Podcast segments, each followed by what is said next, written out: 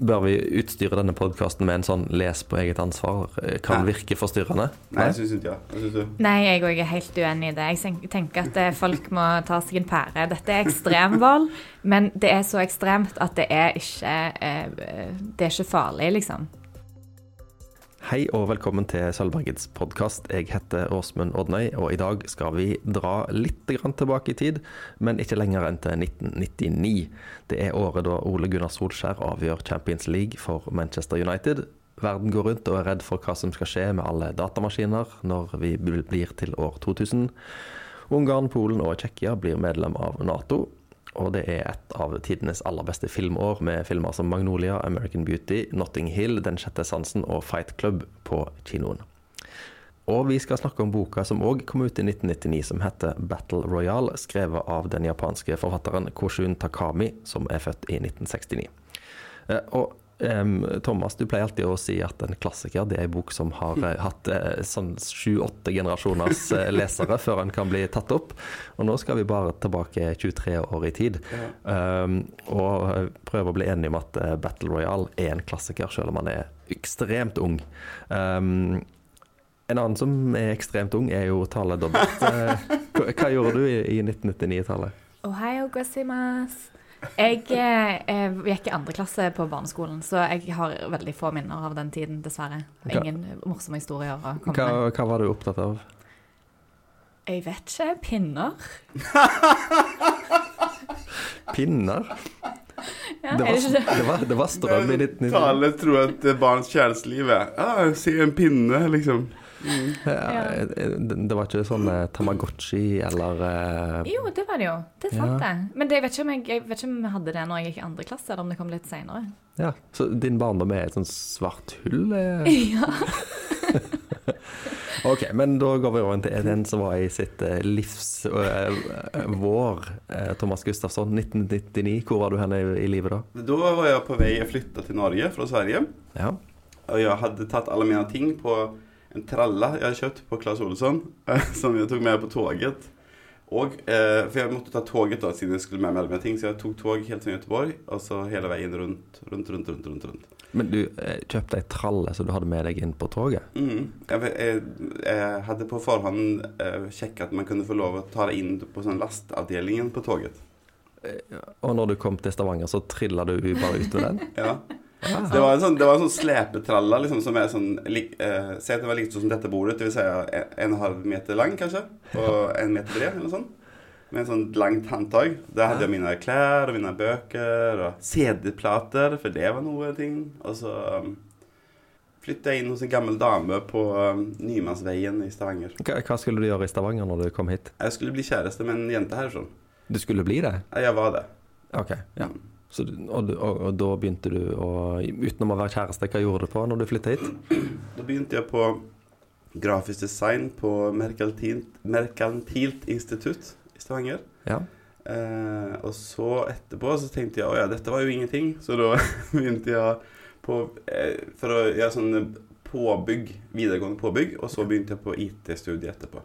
ja. Mm. Så du reiste hit bare med liksom kjærligheten som eh, fyr, Ja. fyrlykt? Ja, veldig impulsivt. Wow. Ja, Dette var jo veldig romantisk, Thomas. Så det ble Ja, men det, det er veldig eh, impulsive Thomas. Så Ja, ja, ja. Mm. ja.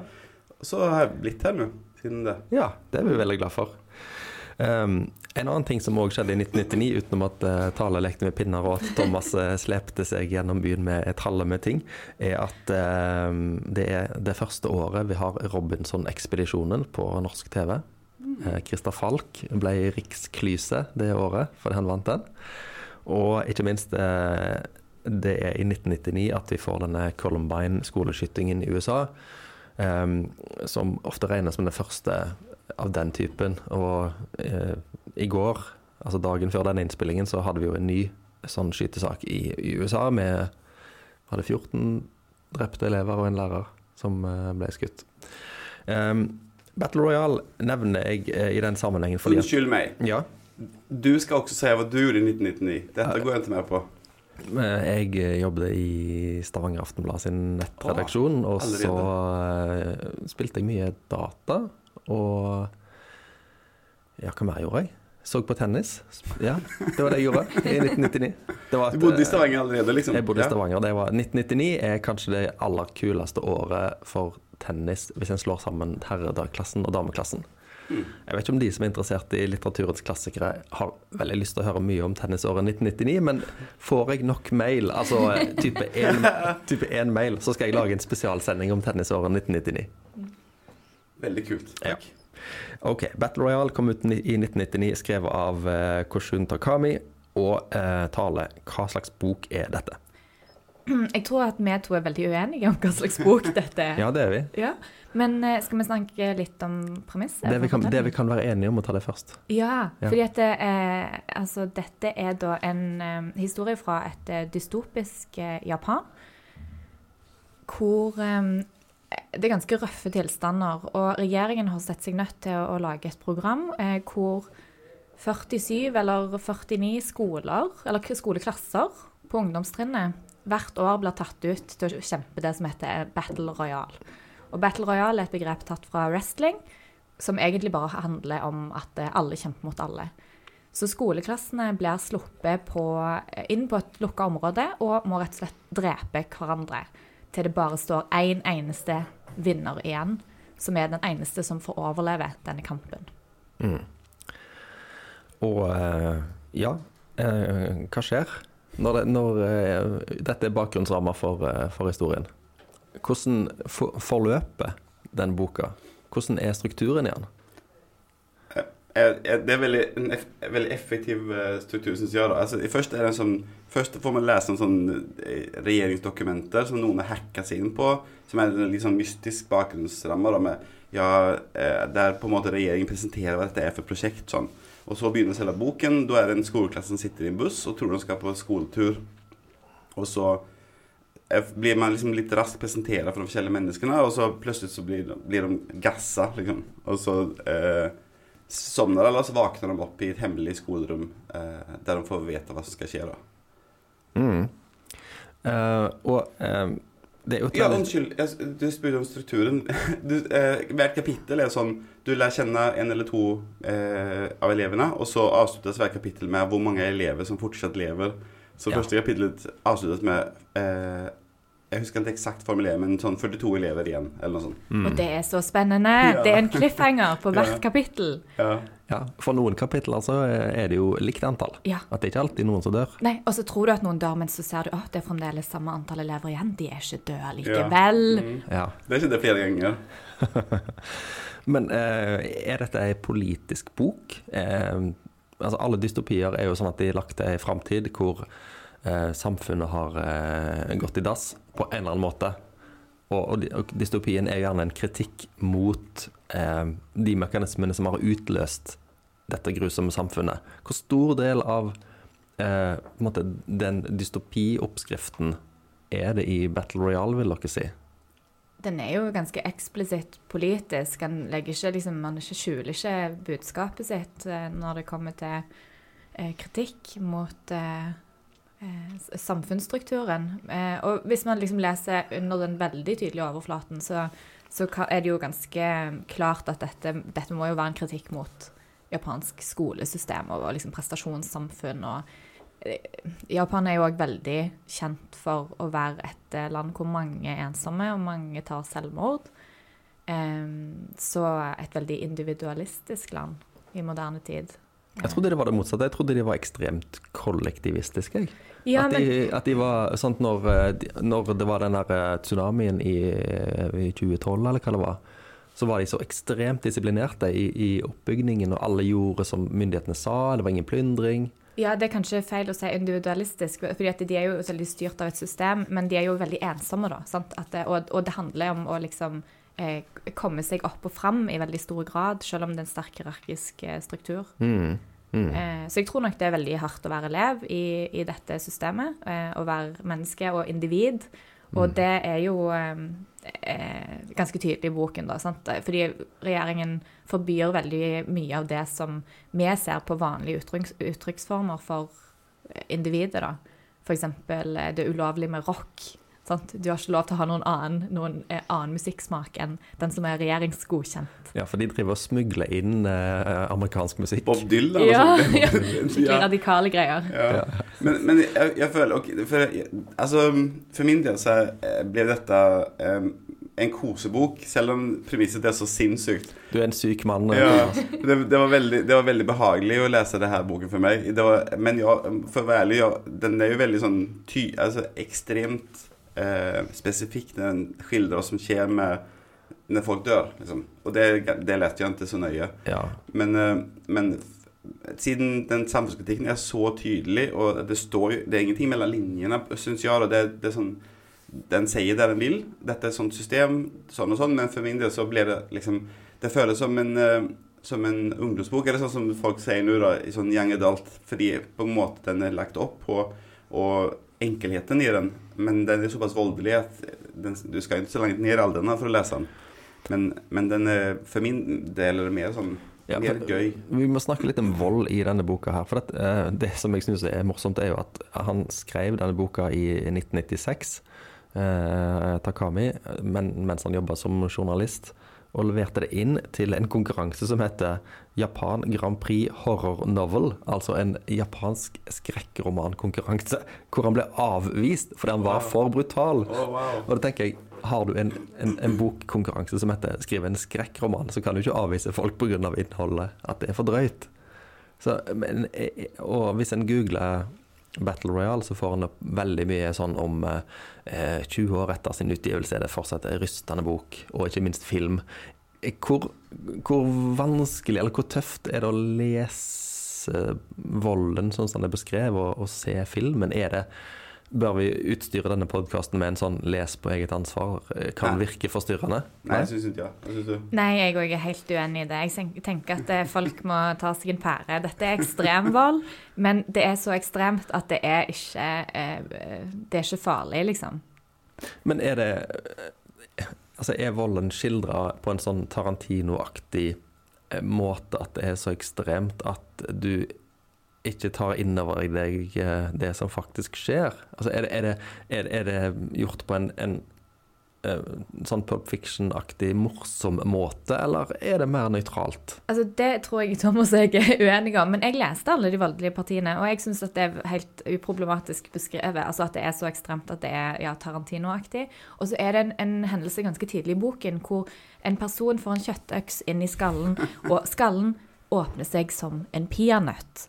Og det syns jeg var et veldig morsomt bilde, og det blir tatt opp, til flere ganger i historien. Og, og det syns jeg liksom er et bilde på volden i denne boken. Det er veldig sånn, det er, nest, det er nesten morsomt og nesten søtt. Men, men eh, det er vel noen scener òg som er sånn at eh, det står at eh, Men nå kunne han ikke snakke mer, for nå hadde kula gjennombåra den delen av hjernen hvor språksenteret ligger. Ja. Det er jo en veldig sånn medisinsk tilnærming til vold. Det er jo ikke morsomt, det er mer sånn helt sånn uh, the bare facts om hva som Den er skjer. klinisk, liksom. Den forteller jo hva som skjer hvis benbiter som går inn i hodet, eller noen som holder på å bli voldtatt, eh, forsvarer seg, eh, så trykker hun inn øyeeplene inn i hodet på han som gjør det til slutt. Men jeg, som sagt, jeg hoppet over. Jeg hadde bare ikke lyst til å ha de bildene i mitt hode, stort sett. Men det likevel, du kan jo bare velge selv. Det er det som er, som er bra. Altså For min del så hadde jeg ikke så lyst til å lese den mest inngående eh, skildringen av det. Men meg, det, det er ikke en alvorlig bok, liksom. Den, den er Jeg skrev jo akkurat om, om den på Instagram, og da Det jeg satt igjen med, er på en måte sånn håp og Det er, sånn, det er veldig dualistisk, da, med håp og, og liksom skuffelse. Og kjærlighet og vennskap, men også forræderi, på en måte. sånn. Mm. Men det som jeg satt igjen med, var at den er en ganske søt bok. Ja. Mm. For, eh, hvordan er det folk, de, de folkene i denne boka reagerer på den ekstreme settingen de blir satt i? Hva, hva sier denne boka om Det det eh, jeg, da. menneskenaturen, syns dere? Hva syns du? Ja, det er jo um, variert, men vi har jo nettopp spilt inn podkast om The Handmaid's Tale, som er, er ganske sånn um, mørkt Har et mørkt blikk på menneskeheten, da. Og, og hva makt, liksom, usunne maktstrukturer gjør med oss. Eh, mens jeg syns at i Battle Royale er det veldig mange av disse elevene som oppfører seg helt eksemplarisk. Og, og det er nesten litt sånn håpefullt å se hvor søte disse 15-åringene er, og hvordan de prøver å liksom eh, unngå at folk blir drept, og nekte å drepe hverandre. Og så er det selvfølgelig en haug med psychos i den klassen òg, og de er jo òg ekstreme. sånn at Jeg tenkte sånn Herregud, går det an å ha så mange psykopater i en klasse? Men så så du deg rundt i kontorfellesskapet. Ja, og så tenkte jeg sånn. Å, håper jeg ikke havner på en øde øy med Åsmund og Thomas, i hvert Ja. fall. Ja, ja, Men det, ja. men det er også en sånn, jeg hadde hade, en av de tingene som jeg For, jeg, for det er den som det er den mest interessante delen da, at hvordan folk reagerer, på en måte. Men det er også sånn, du, om du husker at de er 15 år så er det ju noen som oppfører seg som Rambo liksom. Og så, Ja. som, liksom, en bil sitter eksploderer, så hopper den bare ut og fortsetter å skyte. Liksom. Det, blir sånn, det blir veldig stilisert. På, ah, boken er veldig stilisert. Liksom. Er sånn, den, alt er trukket helt ut. Ja. Og det må man bare akseptere, for ellers blir det liksom Du må bare være med på det premisset, syns jeg. Mm. Så du må ikke sette for mye spørsmålstegn. Men så må jeg gå tilbake til volden. Altså, jeg, jeg, for jeg så filmen igjen i går bare for å liksom komme ordentlig inn i stemning. Og jeg håper dere setter pris på at jeg har prøvd å ta på meg mitt mest matrosaktige antrekk i dag. ja. Mm, fordi at eh, jentene er, er våkner da opp i sånn matrosdrakter. Eh, skoleuniformer. Det var litt eh, creepy at du kler deg som disse elevene som skal ut i sånn voldsorgie. Dette er en ære. De har på seg eh, skoleuniform og dress, så okay. dere burde stilt her i dress.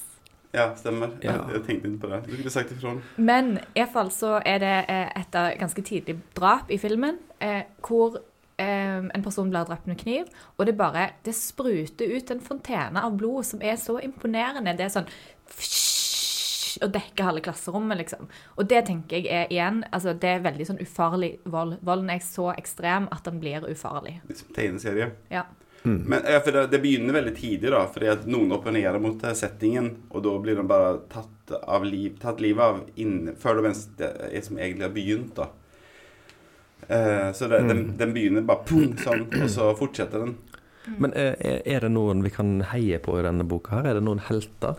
Ja, altså der eh, kom jo den inndelingen i boken som Thomas var inne på, inn på en veldig god måte. Altså du, du får um, et kapittel per uh, eh, klassemedlem, eller flere i et kapittel.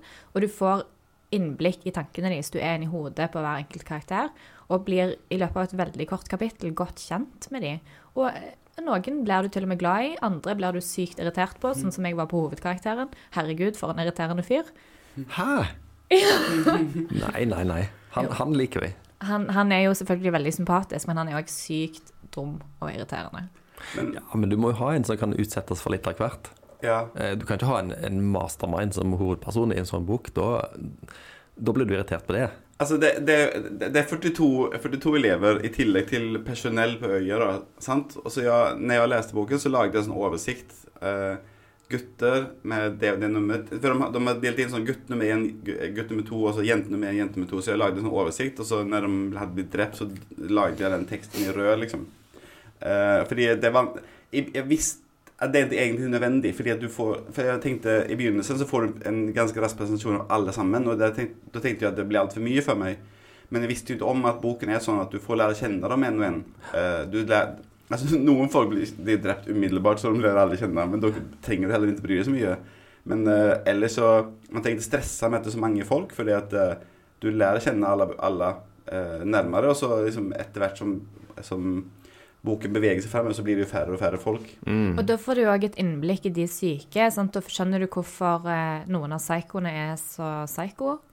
Og så Ja, skjønner du hvorfor eh, noen er så søte og snille, og, og hvorfor noen blir ødelagt av frykt, f.eks. Ja, det er jo noe av mesterskapet til han Takami, at han klarer å gi lage personportretter, ganske unike personportretter, på veldig kort tid. Og, og gjerne bare sånn rett før de skal dø. Altså sånn, Du får et personportrett, men sånn smukk, så er det ferdig.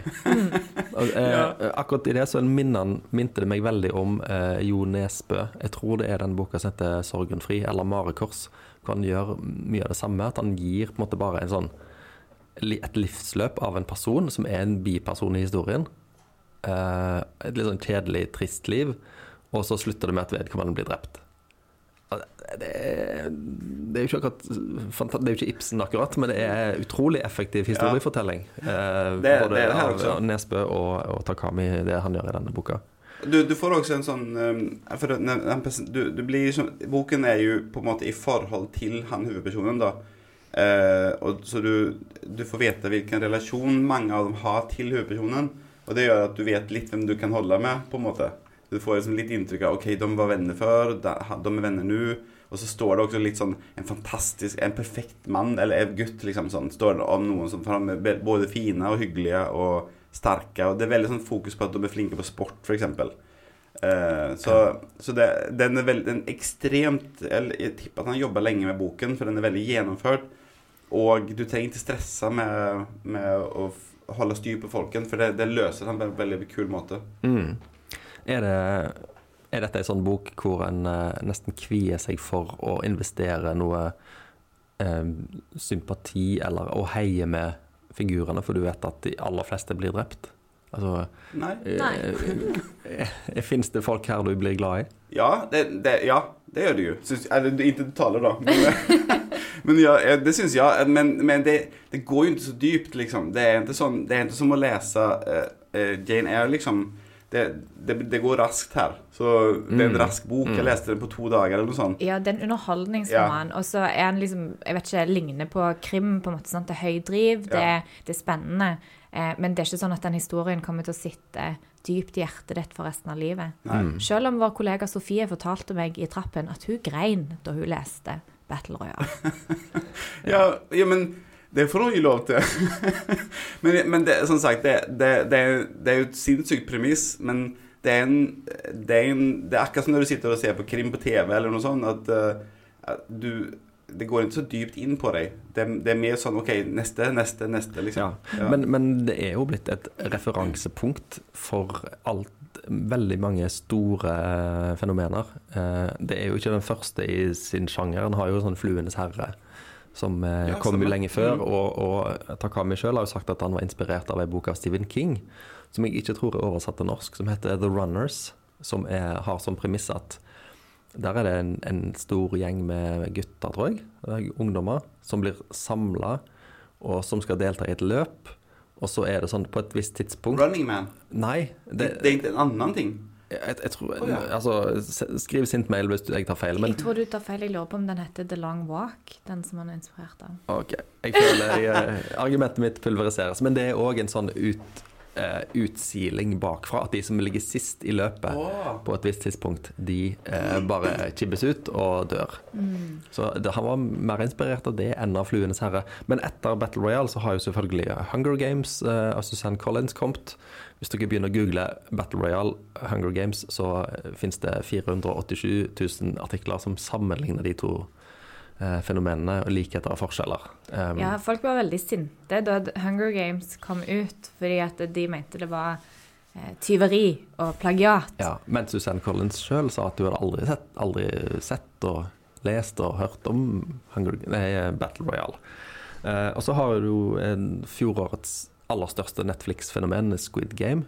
Som jo òg er at en samler sammen masse folk eh, på et område, og så må de gjennom forskjellige konkurranser, og så skal det bare stå én igjen. Og ikke minst eh, YouTube-fenomenet Mr. Beast, som lagde sitt eget eh, Squid Game-show, som har 252 millioner visninger på YouTube akkurat nå. Ja, vi elsker drap. Eh, Mr. Beast han har en snillere versjon. Eh, og så har du selvfølgelig òg eh, verdens største dataspill, Fortnite, hvor du slippes ned på ei øde øy med våpen og skal drepe de andre som er der. Så at det, dette blir vi på en måte aldri ferdig med. Og Battle Royals innflytelse er jo enorm fortsatt. Jeg, jeg, jeg, vil, jeg kom på noe nå mens vi snakket, eller mens du snakket, og når du spurte om det med samfunnskritikk og sånn, så en ting som jeg føler som det står uttrykkelig er at uh, hele grunnen til det her tingen, at denne tingen skjer, er at eh, de toppen på samfunnet vil skape en usikkerhet. At du ikke kan stole på noen, liksom. Det er det. Så det blir liksom sånn det blir, I motsetning til Hunger så blir ikke det sendt eh, på TV eller noe sånt. De får bare vite etterpå hva hvordan det gikk, liksom.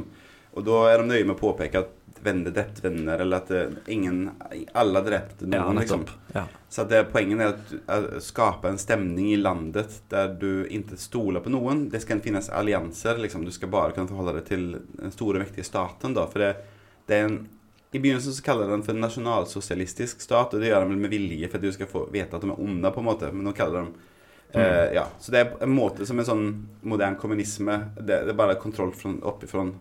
Med, med liksom, kontroll på massmedia, og det fins ingenting internett og sånn.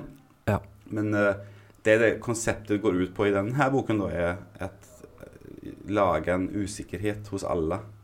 Ja, altså det, som du sa, altså I filmen så er det vel sånn at dette Jeg husker egentlig ikke helt om det streames, men, men um, Så de Det fins jo ingen stream av denne konkurransen som, som, sånn som den historien ville antageligvis blitt fortalt i dag.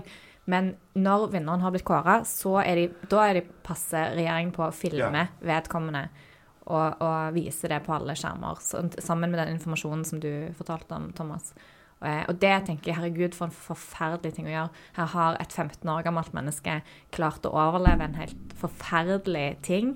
Kanskje gjort grusomme ting sjøl, kanskje bare vært heldig og overlevd ved tilfeldigheter. Og så blir det vist fram på TV, sånn at alle i landet skal vite at dette er personen som har drept 41 klassekamerater. Ja. Eh, og eh, ja, og, blir et sånt instrument, et bilde på at du ikke kan stole på eh, naboen, liksom. Ja. Men, men jeg, jeg jeg føler sånn et sånt trekk i denne boken som, som viser eh, at i alla fall jeg da, inte, Tale, inte klart helt forholde seg til det som om det vore ekte ting. Eh, det, det, det er noen, en gruppe med jenter, seks jenter, bor sammen i et fyr.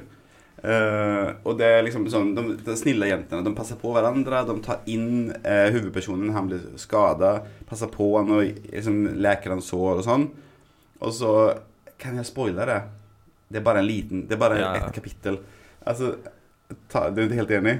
OK, jeg gjør det bare. Eh, i alle fall det ender med at pga. en liten ting så dreper de hverandre. Og det tar liksom sånn I boken tar det liksom kanskje åtte rader.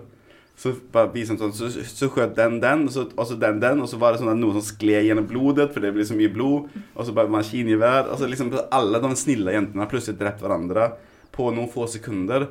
Og det er så ekstremt og overdrivent og kult skildra at du blir ikke lei deg. Du bare Oi, wow, der hender det, ja. Det blir akkurat som en sånn, eh, sånn pinballmaskin. Liksom. Bung, bung, bung, bung. Sånn. Ja. Men det er òg veldig tydelig altså, Den scenen gjør det jo så klart hva frykt kan gjøre med oss. Ja. Sant? Med, eh, hvordan, hvordan det kan være ødeleggende.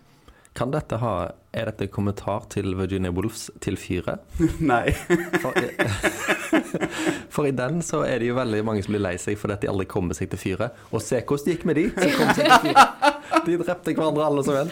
Men jeg vil ikke gi inntrykk av at det er en dum bok. Det er ikke en dum bok. Den er, veld, den er utrolig effektivt skreven. Den, Ja. det, er liksom, det er bare det at den går ikke så dypt, på en måte, føler jeg. Det, Mm. det en, det, du kan forvente deg noen sånn dyp analyse.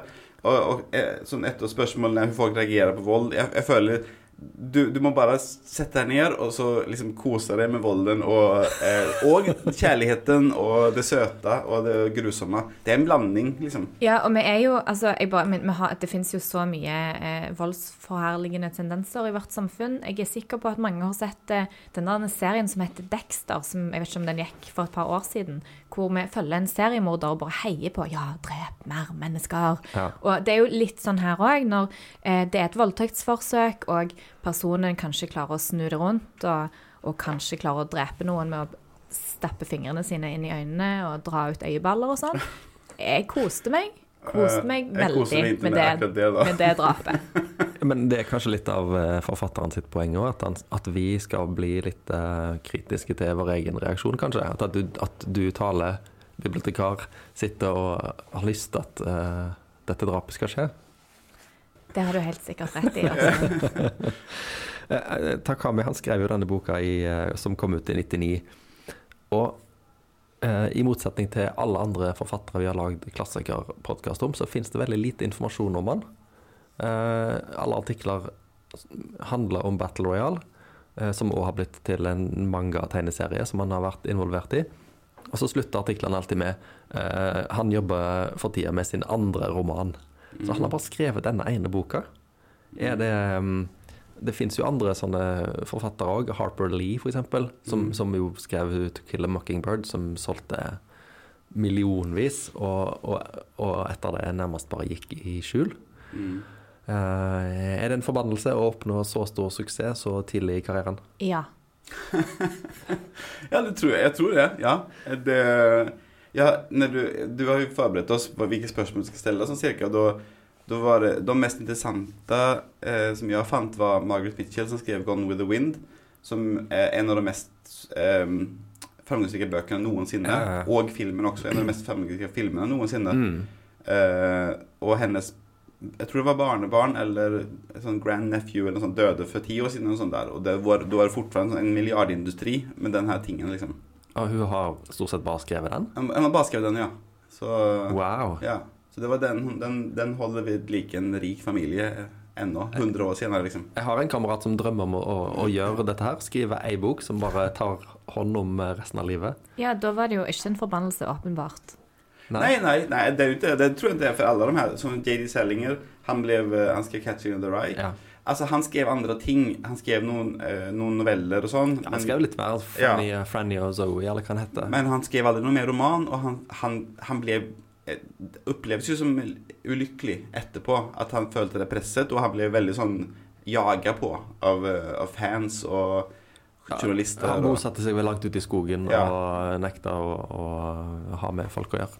og så Harper Lee, som du sa, som, som Mm. skrev annet, men hun ikke publiserte, som ble Mm. publisert Jeg tror det var enten rett etter hun døde, eller rett før hun døde. sånn at hun var svag nok til å ikke klare å si nei lenger, så ble det publisert en bok som ikke var bra, Nei. og som hun ikke ville publisere selv. Liksom. to Ja. kill Nei, what, Call out the watchman. Go set the watchman. Go set a watchman. Så jeg har glemt tittelen allerede. Så, så jeg føler at eh, det kan være Det, det kan jo være en velsignelse. Akkurat som den der Hva heter den filmen med Hugh Grant, med han som lever på sin farfars uh, Uh, ja, ja, ja. julesang? Uh, About the Boy. Ja. Det er en kjempesøt film. Men- Har du sett den, Tale? Jeg tror det, men jeg har jo veldig dårlig hukommelse alltid. Ja.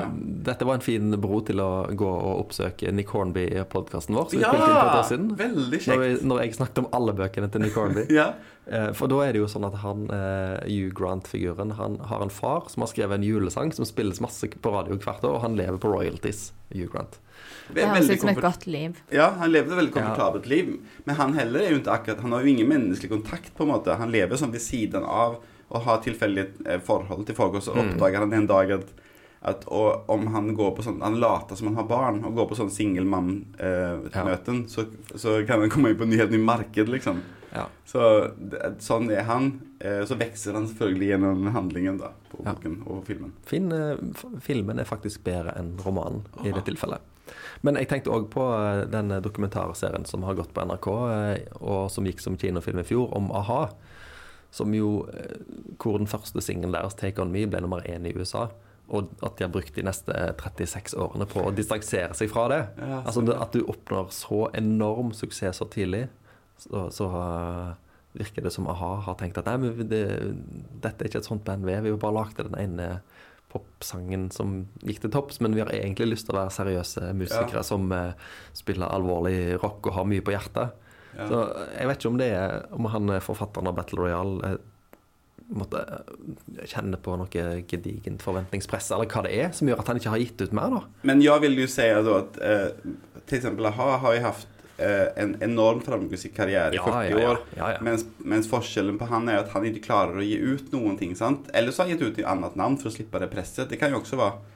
Men, men jeg føler den der, noen reagerer med sånn at de bare, det stopper bare. liksom, sant? At Ja. eh, de får ikke til å produsere noe mer fordi at Mm. den det Vi har en sånn eh, svensk vispoppartist som heter Jakob Hellman ja. i Sverige som, som ga ut eh, Han var veldig ung, han gav ut en plata som, som bare ble sånn hele Sverige hørte på i tre år i strekk. Liksom. ja. En gang i slutten på 80-tallet, tipper jeg. Og han gav ut sin andre plata i fjor.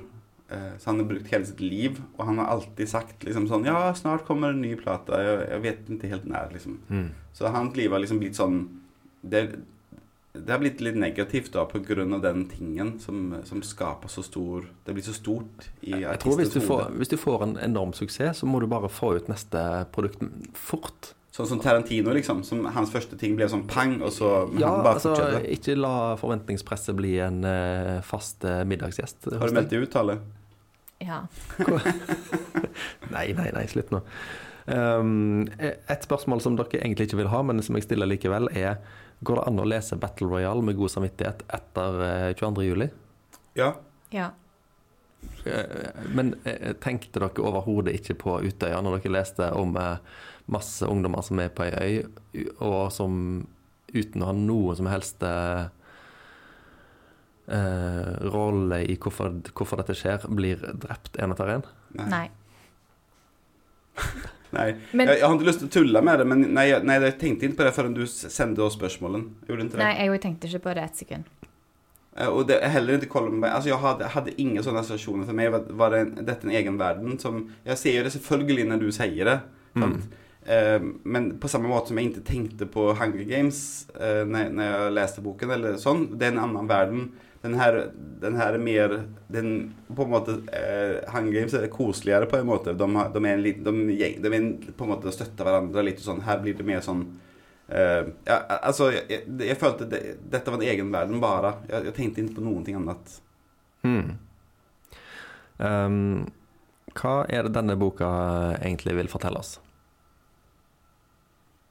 Ingenting. Jeg, vil, jeg vil, det er bare en bok. Jeg, har- har ikke det, det er vel en litt sånn eh, eh, Ikke bli nazister, uh, liksom. Ja, det Men- er jo sånn Fight the Power-bok. Ja. Det, det, det er bare Det er på en måte sånn det, Sånn som jeg sa før i begynnelsen, da, at det, det, er en, det er en bok om på en måte vennskap, og at du kan stå sammen mot motstand og sånn, men, men det er framfor alt bare en, en veldig gøy eh, underholdningsroman med mye vold.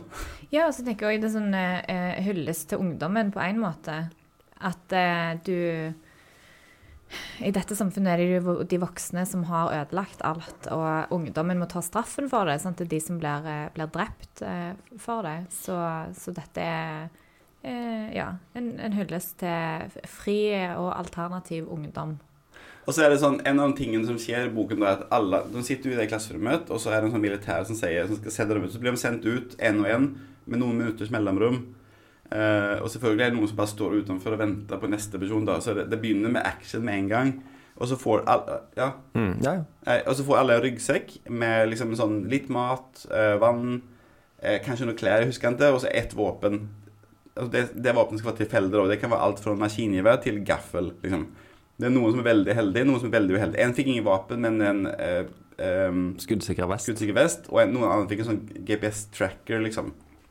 Men, men jeg føler jo at de, de som var eh, allerede sterkest, fikk også de beste våpnene. Og det vet jeg ikke om det var, om det var noen slags sånn litt sånn eh, skjult eh, kritikk. Ja, at det er sånn At- verden er. At, Ja. eh, ja. Og det er de jo ganske åpne om òg, da. Det sier de sant, at det er tilfeldig hva du får, og noen har en fordel og noen har en ulempe. Det er jo noen som blir skada allerede i klasserommet, men de får ikke noen hjelp for det, Nei. fordi det er sånn verden er. Ja. Og jeg føler- liksom at det blir sånn at, eh, at det er en sånn utjevning, på en måte. Sånn som det hadde, vi hadde tenkt Hadde dette skjedd i Norge eller Sverige, så hadde liksom de sterkeste fått en gaffel, med de, den som sitter i rullestol, hadde fått maskingevær. men her er det bare sånn Det, det er ment å være tilfeldig, men jeg, jeg føler jo at det er omvendt. At, eh, fordi det viser seg jo også at eh, maktpersonene i eh, landet setter jo penger på dette. Og da kanskje de ser til at den sterkeste får et bra våpen. For han som er størst og sterkest, har jo et fantastisk våpen.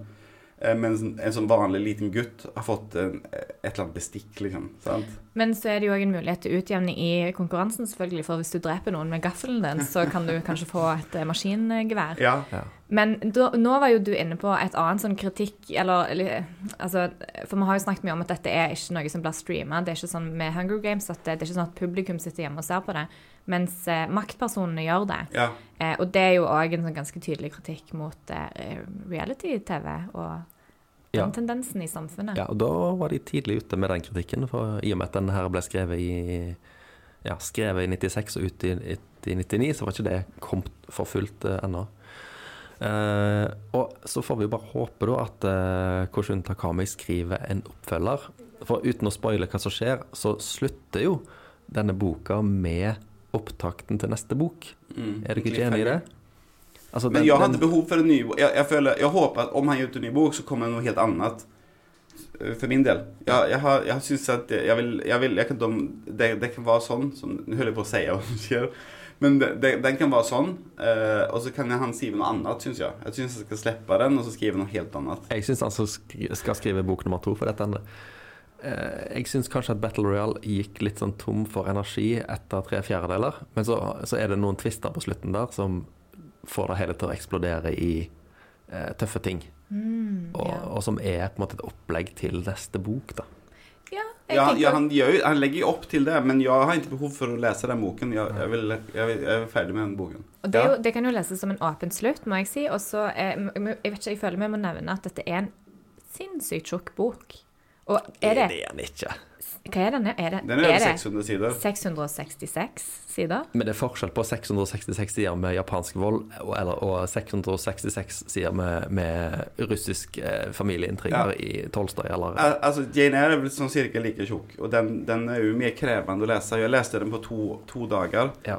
Eh, Men jeg, det var jo, jeg var ikke på jobb de dagen, Så det var, det var ikke sånn at jeg, at jeg, i tillegg, jeg var på jobb og så leste jeg den på kveldene. Jeg leste den veldig raskt for det er en, väl, den er lettlest. liksom. Men det var altså ikke 666 sider, dessverre. Det var 608 sider. ja. Men uh, Battle Royale bør jo leses av alle som uh, har interesse for en spennende historie. Enig. Ja. Skal vi sette noen nedre aldersgrense på den? Nei. Nei, altså det, det, det, det, det tror jeg foreldrene må bestemme, Men, men eh, kanske inte allt ungt. Men den, det är väldigt söt. Den, alltså jag lägger vikt vid det söta. Tale lägger vikt vid allt våld. Så man kan läsa en sån som man føler selv. Sant? Uh, Så jeg, for min del så var det, var det mer vennskapsting. Eh, Med islett av ultravold. Men, men veldig mye forelskelse òg. Ja, det var veldig irriterende. De er på øy. Ja, det, det er ikke det jeg snakker om her. Det er ikke det, det, er ikke det jeg syns er søtt. Det blir forstyrrende. Ja, for de det, er på det, øy. det ligger og dør, så ligger du til Å, jeg har alltid likt dine øyne. Plopp, liksom. Det er ikke sånn det er. Det er ikke sånn det er. Men jeg, jeg snakker mer om den her vennskapen, og liksom at, no, at folk ofrer seg, eller at folk Det, det, det, det syns jeg var fint. Eh, Jeg syns ikke at de, de, den rare islettet av romantikk Det hadde jeg ikke så mye utbytte av. Men jeg må jo si at de rare romantikkerne, eh, det er vel òg denne eh, nærhet til følelser i ekstreme situasjoner. sant, ja. sant? Så det er jo ikke sånn helt det unaturlig. Og så må vi jo huske at eh, karakterene er 15 år, så jeg bør unne den irriterende hovedpersonen å være litt irriterende, fordi han er tross alt en ungdom. Gjerne i utvikling. Da lar vi det være siste ord om eh, Battle Royale av Koshun Takami. Den fins som eh, bok, den fins som eh, manga-tegneserie, og den fins ikke minst som film, som kom bare ett år etter Mm. boka. Boka ble selvfølgelig kontroversiell og, og forbudt mange steder, og det ble filmen òg, men filmen har kommet i sånn 4K oppgradert versjon, hvor blodet ser ekstra blodig ut. Det og- veldig, veldig bra.